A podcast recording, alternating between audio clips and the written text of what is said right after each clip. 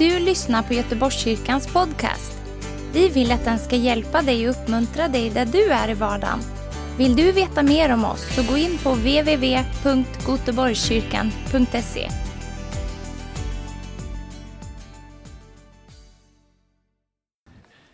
Vi har ju samtidigt med gudstjänsten tonåringar i bibelkonfirmation och det är vi extra glada för.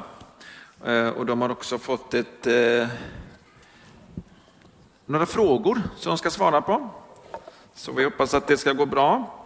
Och eh, jag tror att jag ska säga de här frågorna för att det var ju flera som var intresserade som inte var med i bibelkonfan att gå lite i bibelkonfa i smyg här. Eh, och det, frågorna är då, det handlar ju om, eh, du spelar roll och hur man kan spela roll genom Guds församling. Ska vi se om det här kan fungera. Ja. En fråga är så här, på vilket sätt är människorna kyrkan och församlingen och inte själva byggnaden? Vad kan församlingen jämföras med? Och så flera olika punkter. Och vad tror du din roll är i församlingen eller vad önskar du att den skulle vara? Om vi tar fram den första bilden här. Om det funkar så pekar ni på bilden. Då är det inte kommit fram än. Då kommer jag säga vad det står, kommer att stå. Och så kan jag säga så här, församlingen är Guds idé, inte ett mänskligt påfund. När ni ser en bild så bara vinkar ni på väggen där så vet jag att eh, tekniken också fungerar. Jesus han sa så här, jag ska bygga min församling. Och att ifrågasätta församlingen tror jag kan vara ganska så lätt. En del säger att församlingen har spelat ut sin roll. Jag säger det fortfarande församlingens tidsålder. Församlingen finns så mycket i Guds hjärta. Och jag ska läsa ytterligare ett bibelord för att gå händelserna lite grann i förväg i väntan på att tekniken ska fungera. Följ med mig i Apostlagärningarna 20 och där står det så här, något så otroligt viktigt med tanke på församlingen. 20 och 28. Ge akt på er själva och hela den jord där den helige ande har satt er som ledare till att vara herdar för Guds församling som han har köpt med sitt eget blod. Eh, jag tror att jag kan få fram en powerpoint-fil där, annars så kanske du kan assistera där. Jag har ju eh, ända sedan jag blev frälst tyckte att det var svårt det här med församling och att gå på möten. Det trodde inte ni va? Är det någon som har haft svårt för att gå på möten mer än jag? Ja, det, vi är några här. Därför att jag har alltid haft så fruktansvärt svårt för att sitta still. Jag vet att ni gav mig en bokstavskombination nu, men den, den stämmer inte, för bokstäverna räcker inte till. Utan jag fick ha något annat att göra under tiden. Och ni kan ju förstå själva, om det hade funnits mobiltelefoner på den tiden så hade problemet varit löst. Men det här är typ på 1800-talet, när det är 1984, så det blir ju 40 år nu i januari som jag har varit frälst. Det är, det är några år, det är värt att, att fira. Men då är det så här, att i församlingen så märkte jag att de som kom dit, de var så fokuserade på Guds ord. Så de tog inte ens en karamell på mötet.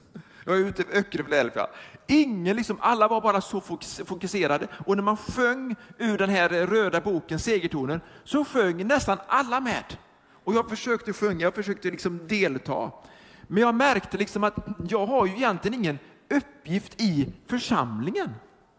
Men så kom jag på det att jag kan hjälpa till i söndagsskola, jag kan hjälpa till med barnen. Och ju mer jag växte in i församlingen och ju mer jag gav, ju mer upplevde jag församlingen är min familj.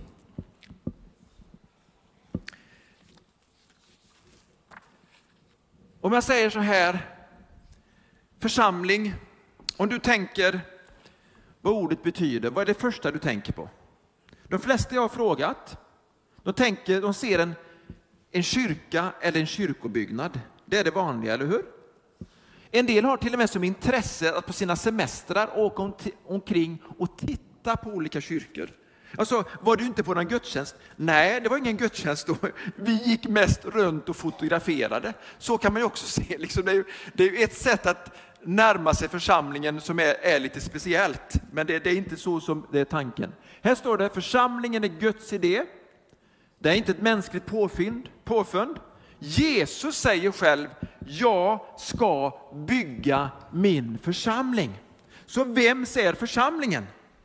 Vi tar nästa bild också så får vi med det. För det är ju faktiskt någon som har köpt församlingen med sitt blod. Funkar det? Det kommer. Nästa bild är på väg. Gud har köpt församlingen med sitt blod, genom, så han har betalat ett väldigt högt pris. Eh, vi ska läsa från Matteus kapitel 16 och Matteus 18. Hur många är med i den universella församlingen här? Bra. Så frågar jag, vem är din pastor i den universella församlingen? Vem, vilka är med i den universella församlingen? Är det, är det katolikerna eller protestanterna? Frågar en del. Är det bara pingstvännerna? det är bara ganska så många och det ska bli ännu fler. Ja. Alla som är födda av Guds ande, de är inkorporerade i Kristi kropp. Man föds in i den universella församlingen när man blir frälst. Men alla de första troende som blev frälsta gick också med i en lokal församling. Den första lokala församlingen var i Jerusalem. Ja. Där hade man alla tydligt sina ledare och sina uppgifter och så vidare. Så det ena utesluter inte det andra. Om vi tar fram den här bilden, nästa bild här, så har vi med någon nyckel. Vad bra det fungerar, halleluja. Och så står det så här i Matteus 16, och då tänker du, allt Guds folk. Och så är det så att Petrus, han har sagt, han har fått en uppenbarelse av Fadern, att Jesus är den levande Gudens son. Och då säger Jesus till Petrus så här, jag säger dig du är Petrus, som betyder liten klippa, eller sten, rock. Och på denna klippa, förmodligen så kanske han till och med pekade på sig själv. Jag har inga bildbevis på det. Men han säger på denna klippa ska jag bygga min församling. Eller som många tror, på den uppenbarelsen som Petrus hade när han säger och förstår genom Guds ande att Jesus är den levande Gudens son. Så Guds församling, Kristi kropp, den levande Gudens församling bygger på uppenbarelsen om att Jesus är Guds son. Hur många tror att Jesus är Guds son? Ja. En del kan tro det rent teoretiskt, men när man tror det i hjärtat, då leder den tron till rättfärdighet. När man bekänner Jesus Kristus som Herre så leder den tro också till frälsning. Då börjar församlingslivet. Men så säger också Jesus, jag ska bygga min församling. Halleluja! Så det är inte det är inte riktigt rätt när du hör eh, predikanter och pastorer säga min församling, ungefär som att man äger församling. Eller jag, jag, jag lägger ner församlingen. Alltså, det, du kan lägga ner en förening, men du kan inte lägga ner Guds församling. Hör du vad jag säger? Därför den är köpt med Jesu blod. Han har gett sitt liv för den. Men man kan lägga ner en organisation omkring, ett ombud, en förening. Excuse me.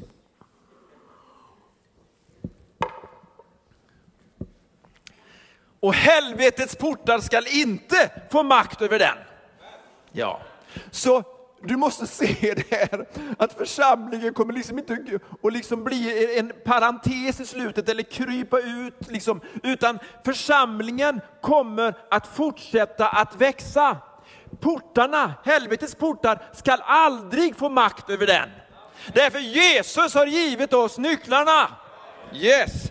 Och det, det, är vi som använder de här nycklarna genom bön, genom förkunnelse, genom att vi följer den heliga ande, så öppnas det upp för himmelriket på jorden och vi stänger för det ondes rike här på jorden.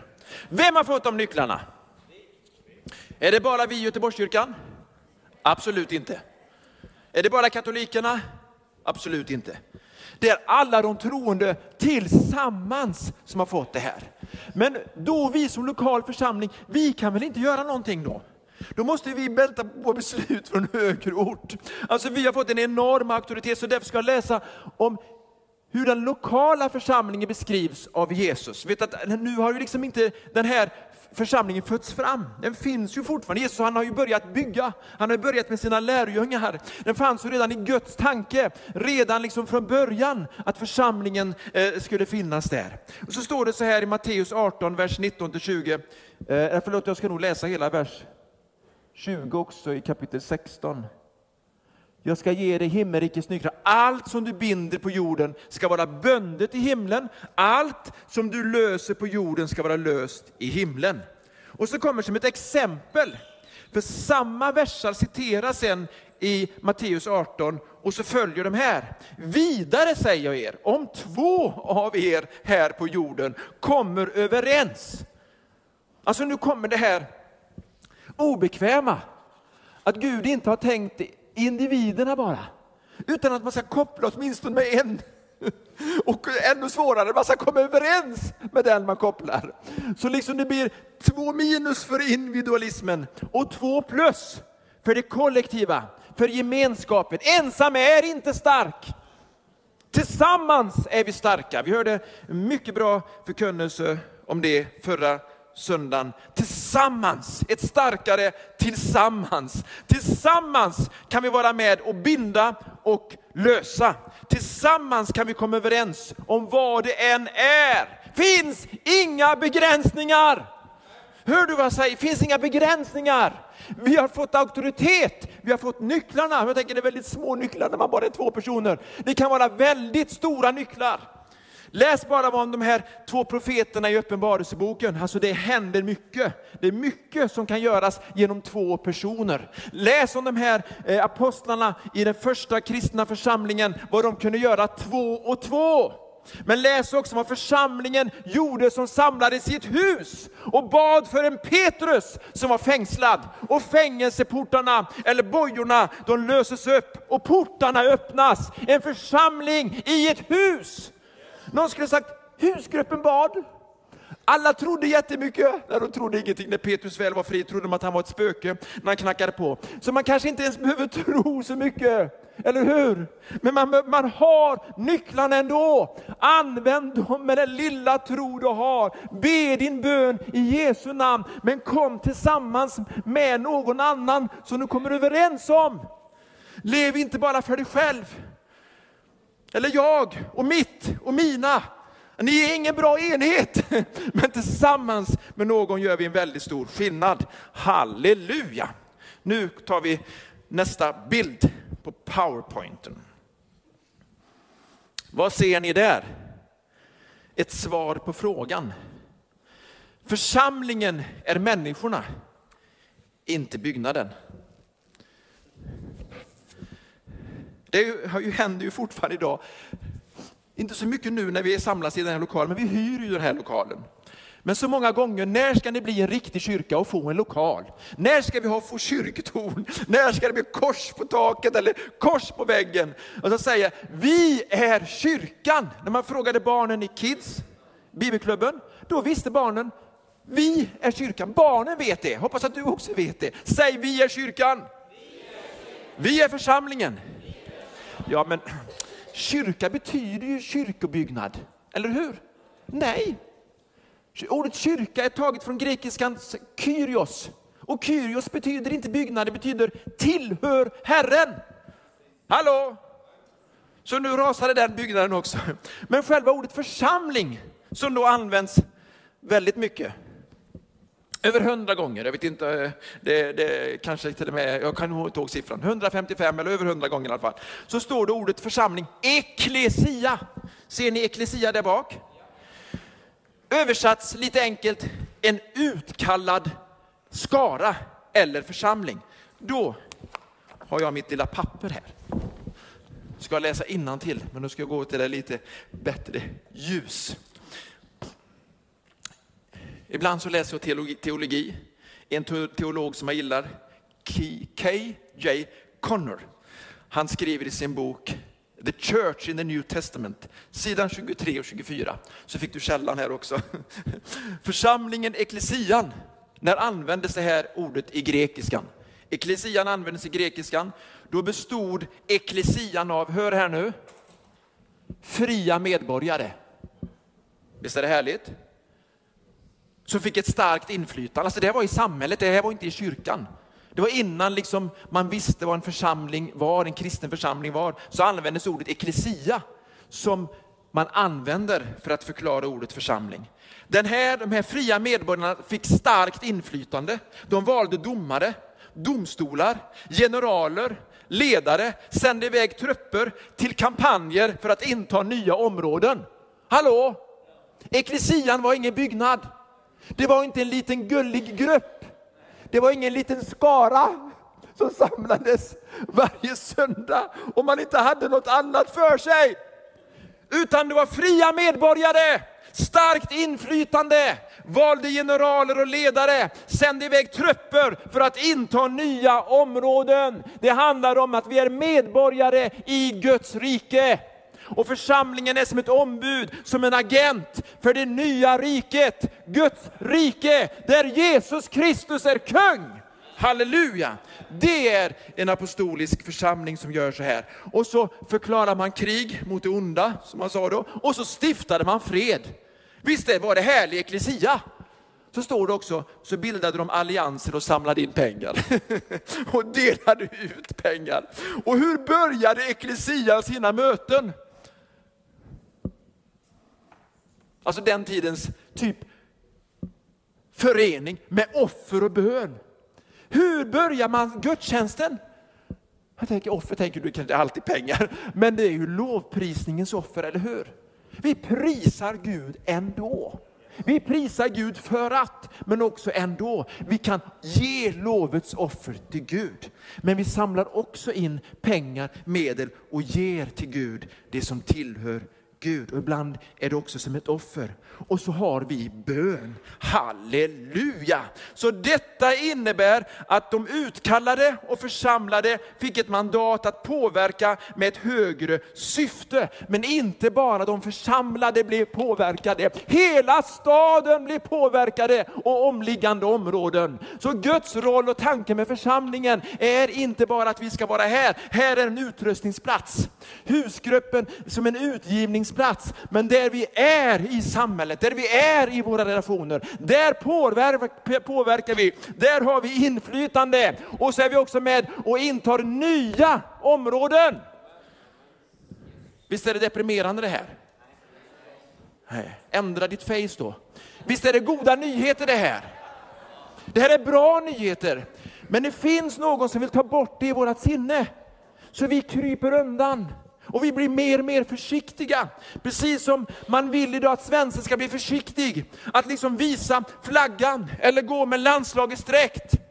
Alltså församlingen kan ju hamna i samma fruktan. Vi vågar inte höja korsets fana. Vi vågar inte ha korset här. Vi vågar inte predika Kristus ifall det är någon som förföljer oss. Alltså, jag ska säga det finns löfte om förföljelse. Jag lovar dig att du blir förföljd om du lever gudfruktigt. Det är oundvikligt. Den första församlingen de blev det. Vad gjorde de då? De sa i gemensamt tal, nu samlas vi någonstans och så gömmer vi oss i katakomberna och hoppas att det går över. Nej, jag sa nej, stopp och belägg! Nu samlas vi till bön. Nu ber vi frimodigt till Gud. De har gaddat sig samman emot oss, men vi ber till Gud tillsammans. Ge oss mer frimodighet att förkunna ditt ord. Och hela platsen bara skakade. Och så fylldes de på nytt av den helige Ande. Och så blev de frimodiga igen. Är det det vi ska bli? Även för vårt land, för vår nation vill jag vara mer frimodig. Men jag vill vara ännu mer frimodig för nationen Guds rike, där Jesus är min kung. Där står jag 100% för alla värderingarna. Halleluja! Underbart! Tack Jesus! Tju! Jag vet att en del tycker att det här påminner om grevinnan och betjänten på nyårsafton. När, hur länge och många gånger kommer han klara av det här? Kanske några gånger till kommer gubben upp på estraden. Vi fortsätter här och så tar vi nästa bild. Församlingen är inte ett cirkustält. Men det hade varit väldigt roligt, eller hur? Ja. Det är så fruktansvärt underbart att bara få skratta. Får man inte skratta i kyrkan? Jag tror att Jesus han var ju mer glad än någon annan. Jag tror att det måste vara jätteroligt. Men det var också väldigt mycket helig ande-roligt, förstår ni? Det var också mycket ren, sann glädje. Men vem har skapat humorn? Ja, det måste vara från djävulen. Jag tror inte det. Gud har skapat humorn, men humorn kan också användas på ett tråkigt sätt, på ett fult sätt, under bältet. Nej, nej. Men det finns också något som är underbart roligt, som är glädje, som är skratt, som är jubel. Men församlingen är inte ett cirkustält med underhållning. Församling är ett uppenbarelsetält för utrustning. Det fick jag till det bra va? Kan jag komma ihåg att säga det igen? Församlingen är inte cirkustält för underhållning, församlingen är ett uppenbarelsetält för utrustning. Yes. Därför uppenbarelsen utrustar oss. Uppenbarelsen är grunden. Kristus, han är klippan. Alltså det finns ingen större attraktion än en Jesus i aktion. Det var ju riktigt bra citat. Ja. Jag behöver inte säga det igen, men ni, ni kommer ihåg det. Men jag har en längtan efter det här. Hur ska man göra då? Jo, då var det det här bibelordet igen. Var två eller tre är samlade i mitt namn, där är jag mitt ibland er. Alltså uppenbarelsen av Jesus, när man bara känner sig, nej men eh, nu har husgruppen blivit tråkig. Nu lägger vi ner. Eller kanske vi ska säga, nu har husgruppen blivit tråkig, nu är det för mycket mänskligt. Nu säger vi Jesus kom in. Jesus ta över här. Jesus, vi behöver bönesvar. Jesus, vi behöver förnyelse. Är det någon som behöver förnyelse i sitt hus? Är det någon som behöver förnyelse i sin husgrupp? Ja, till och med vi i mansgruppen behövde förnyelse i husgruppen. Vi kallar in kvinnor. Vi har jättegod mat nu på husgruppen. Det är jättebra, men det kanske inte bara den förnyelsen man behöver, utan förnyelsen där Jesus uppenbarar sig med bönesvar. Alltså jag längtar efter det när människor, jag var, jag var i kyrkan, alltså hur var det i den lokalen? Alltså jag menar, jag var i husgruppen. Ja, hur många var ni? Ja, vi var bara två. Va? Har ni husgrupp när det bara är två? Ja, vi kom överens och så bad vi. Och så bad vi för alla som inte kunde komma. Och så bad vi för dem. Och så kom vi överens om saker. Och förresten fick vi med oss två nya till gudstjänsten på söndag. Alltså det måste ju varit en väldigt bra husgrupp, eller hur? Alltså det händer någonting när vi samlas i Jesu namn. Men förväntan, den ska vara på Jesus, att han uppenbarar sig med sig. Delar ni min längtan? Förstår ni att vi också var roligt? Det får också vara underhållande. Men det är inte i fokus. Det får vara som bonus, som en konsekvens, som en härlig, ett härligt skvalp.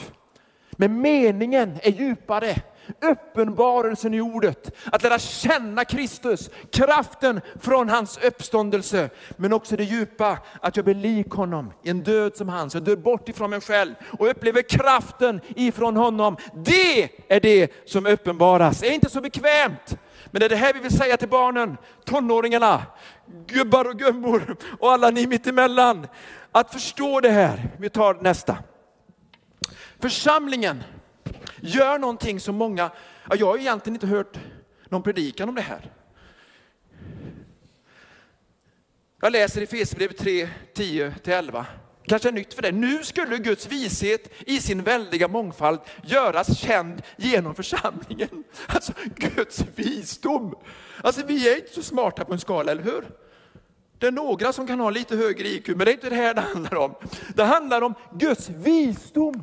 Vad är det som har hänt? Han kallade dem som ingenting var för att göra någonting med dem. Han kallade ut en skara som han har renat i sitt blod, som bara växer och växer och växer. Det är Guds vishet. Men denna skara, församlingen, ska också göra hans visdom känd i andevärlden. Alltså vi ska förkunna hans visdom genom vårt sätt att leva, genom vårt sätt att uttrycka oss, också i den osynliga världen. Och när vi har andlig krigföring, då är vi med och manifesterar Guds rike och hans makt drar fram, hans vishet förkunnas i den osynliga världen. Så säg, jag spelar stor roll. Eller ännu bättre, vi spelar stor roll. Ja, halleluja! Men vi måste förstå egenvärdet också. Vi är individer, men det är tillsammans vi blir starka. Det är tillsammans vi blir Kristi kropp. Om det bara var en lem så skulle det bli sån där huvudfoting, bara ett huvud och så ett, ett ben eller två ben. Men det är många lemmar i Kristi kropp. Vi är många som behövs. Och hör här nu, ett otäckt ord. Håll, håll nu. Vi ska vara, förlåt att jag säger det, vi ska vara beroende av varandra. Nästa lördag är det några som gifter sig, säger inga namn än. Jag kommer att säga till dem och till alla som är där, våga vara beroende. För äktenskapets kraft ligger i att man vågar vara beroende. Hör ni vad jag säger?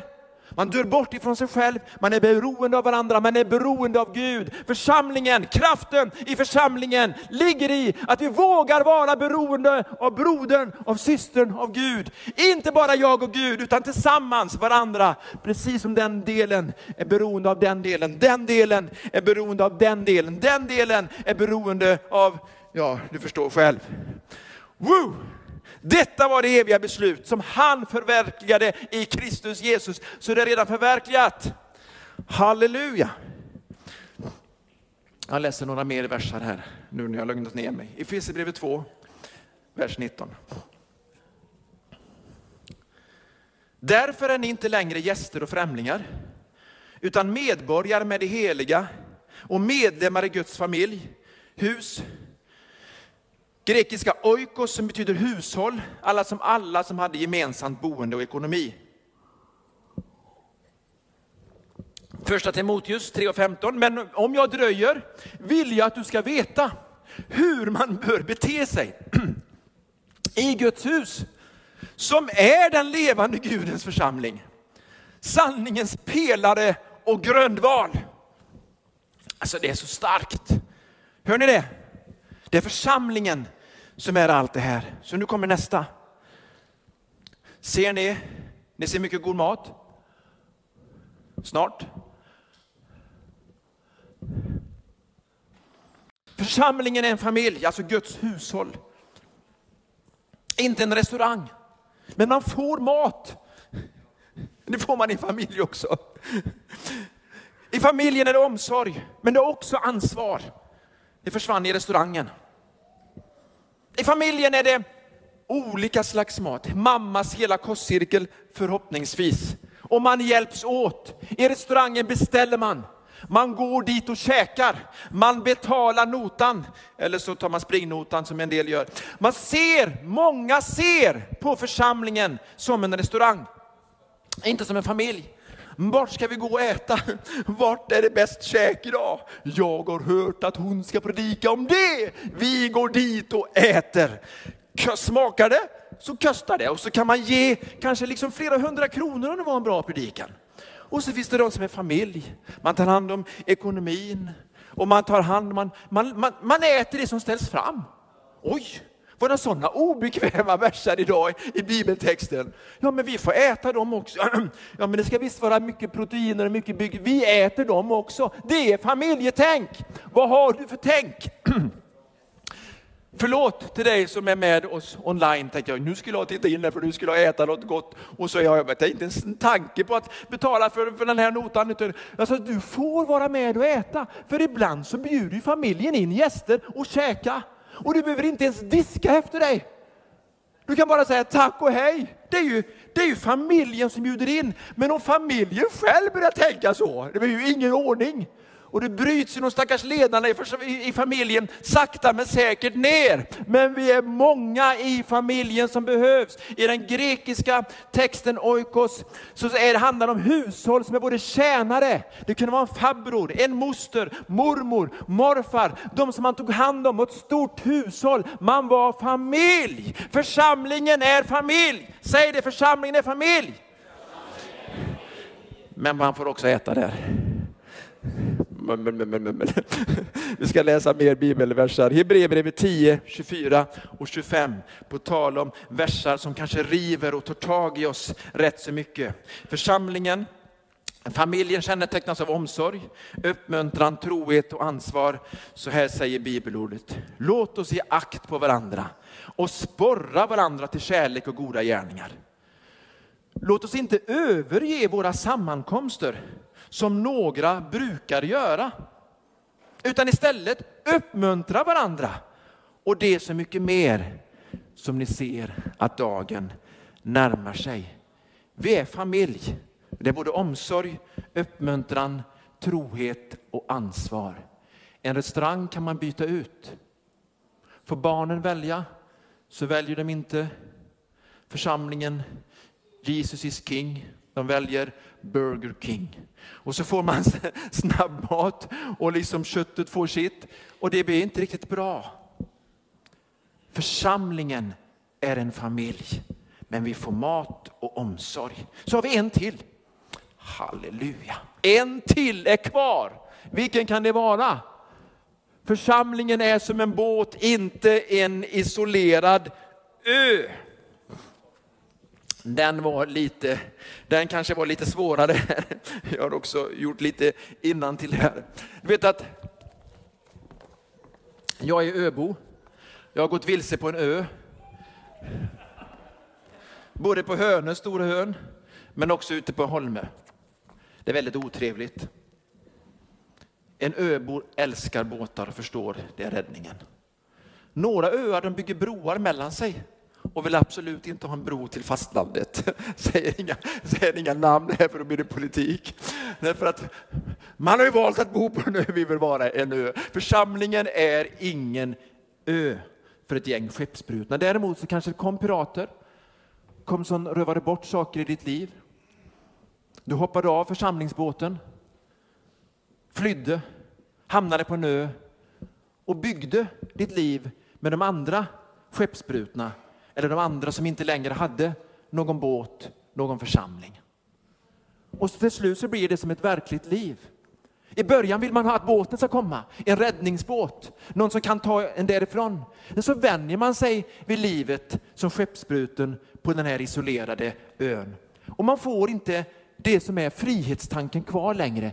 Man kan tänka sig, vi, bygger, vi tar många, många stenar så kan vi komma till en annan ö. Så kan vi umgås med några andra som också är isolerade. Och så kan till och med de här grupperna man bygger, som man kanske också kallar för församling, eller huskyrka eller grupp, eller det kan till och med bli någon form av sekt, fast det får man ju inte säga. Det får man inte kalla sig, utan man säger istället att vi är de enda eh, riktigt sanna troende.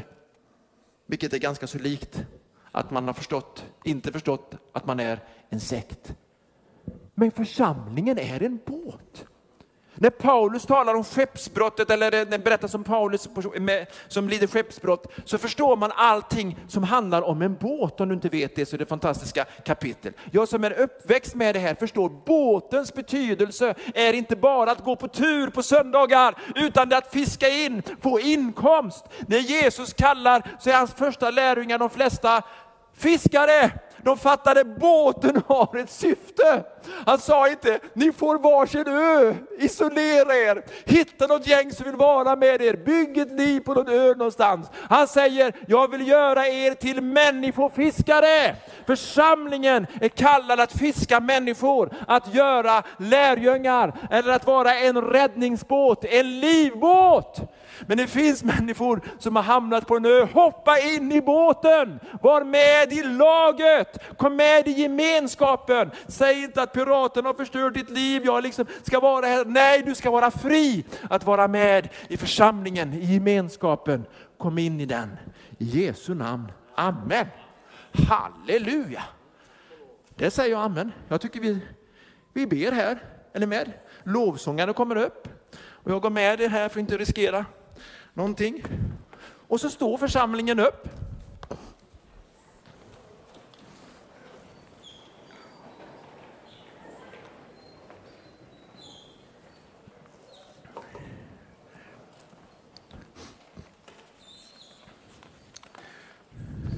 Och jag går tillbaka till den sista frågan.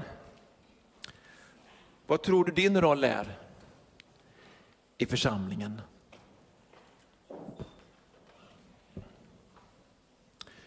Eller önskar du att din roll ska vara i församlingen? I en fiskebåt, man har olika roller. I en familj, man har olika roller. Vi spelar stor roll. De allra vanligaste bilderna i Bibeln på församlingen, det är ju Kristi kropp. Och att församlingen är som en jord.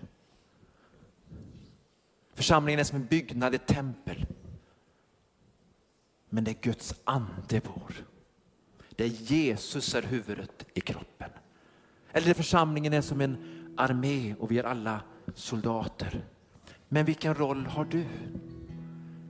Församlingen är inte bara en grupp där man bara kan komma. Jag är med i gruppen. Församlingen är en kropp. Du är en del. Du är en skillnad. Församlingen är som ett lag. Du är en del. Församlingen är en familj. Du är en del. Vad vill du göra i församlingen? Jag fick den frågan, som jag sa, snart 40 år sedan så vill jag hjälpa till bland barnen. Jag har sett mina föredömen och hjälpte till bland barnen. Och själv har jag gått i söndagsskola. Jag tänkte det måste ju vara den största uppgiften. Jag fick också hjälpa till i närradion. Det tyckte jag inte om. För jag vill alltid se människor jag predikar för eller delar. Jag vill inte se kameror och mickar, förlåt mig. Jag vill se människor, för så får jag visualisera. Liksom. Så jag älskar när ni kommer, när jag ser er. Jag älskar att se, vara med människor, känna lukten, bara atmosfären. Det här är människor, halleluja. Men jag förstår också att ibland måste man nå lite längre. Får man tala till en låda eller tala till en kamera så kan man nå längre. Vi har olika roller. Vilken roll har du? Alltså, du har en viktig roll. Jag vill att du ska säga det igen. Jag har en viktig roll. Säg, vi har en viktig roll. Tillsammans och enskilt kan vi göra skillnad. Jag har en viktig roll. Genom den heliga Andes kraft som bor i mig och genom Jesu kärlek som motiverar mig men också för att andra behöver mig. Ja, mumla på. Också för att andra behöver mig. ja, det, kan det vara jag? Det är faktiskt så. Kanske ibland bara för att vi ska bli mer helgade. mera slipade. Liksom mera, våga vara mer beroende. Det är inte alltid bekvämt. Men det är värdefullt. Tack Jesus. Vi bara böjer våra huvuden. Tack Jesus. Tack Jesus. Tack Jesus. Bara ställer den här frågan nu till dig. Som bara förstår eller som bara önskar och längtar att du vill ha en tydligare roll i hans församling. Kanske inte ens är med här, du bara är på besök. Vi kommer att be för dig också. Vi kommer inte värva dig hit men vi kommer att be att du ska komma in i den rollen som är tänkt i din lokala församling. Men var med i en lokal församling. Var med där det finns ledare för dig och sådana som du också kan leda. Var med där du kan umgås och betjäna med andra. Lämna ön, kom in i båten. Var med i laget. Men spela också en viktig roll som Gud har tänkt. För han vill göra så mycket mer än vad du kan tänka och be om kommer sådana hit söndag efter söndag som bara, de bara vill vara med här. Alltså, välkomna hit, välkomna att vara med. Vi behöver er och jag tror att du behöver oss. Som det gäller dig, räck upp din hand bara, bara sträck den högt. Fader, jag ber för de som sträcker sina händer, också de som är med de sista minuterna här. TV-vision Sverige, Tack så länge. Vi ses vidare på Facebook Göteborgskyrkan. Fader, jag ber i Jesu namn för de som har lyft sina händer just nu, i Jesu namn. I Jesu namn att de ska finna den här rollen, förstå sitt värde och få uppenbarelsen om församlingen och sin plats i församlingen, sitt värde i församlingen, sitt beroende av andra i Jesu namn och slå hål på myter, bryt ner tankebyggnader. Herre, vi ber om din uppenbarelse för församlingen där du Jesus är våran ledare. Halleluja! Vi älskar församlingen som du har köpt med ditt dyra blod. Fader, du ser också dem som gråter, som har smärta, som känner en vilsenhet, som bara önskar hjälp. Hjälp dem helige Ande. Och hjälp oss att se varandras behov. Hjälp oss att praktisera församling. Hjälp oss att ta det här en nivå ännu högre i Jesu namn. Halleluja. Tack för att du har lyssnat. Dela gärna podden med dina vänner och glöm inte prenumerera. Om du har frågor eller vill att vi ska be för något så mejla oss på info På söndagar har vi veckans höjdpunkt. Då firar vi gudstjänst tillsammans och det vore så kul att träffa dig där. Men vi har även samlingar för barn då? Gå in på vår hemsida goteborgskyrkan.se så får du veta mer. Välkommen till oss!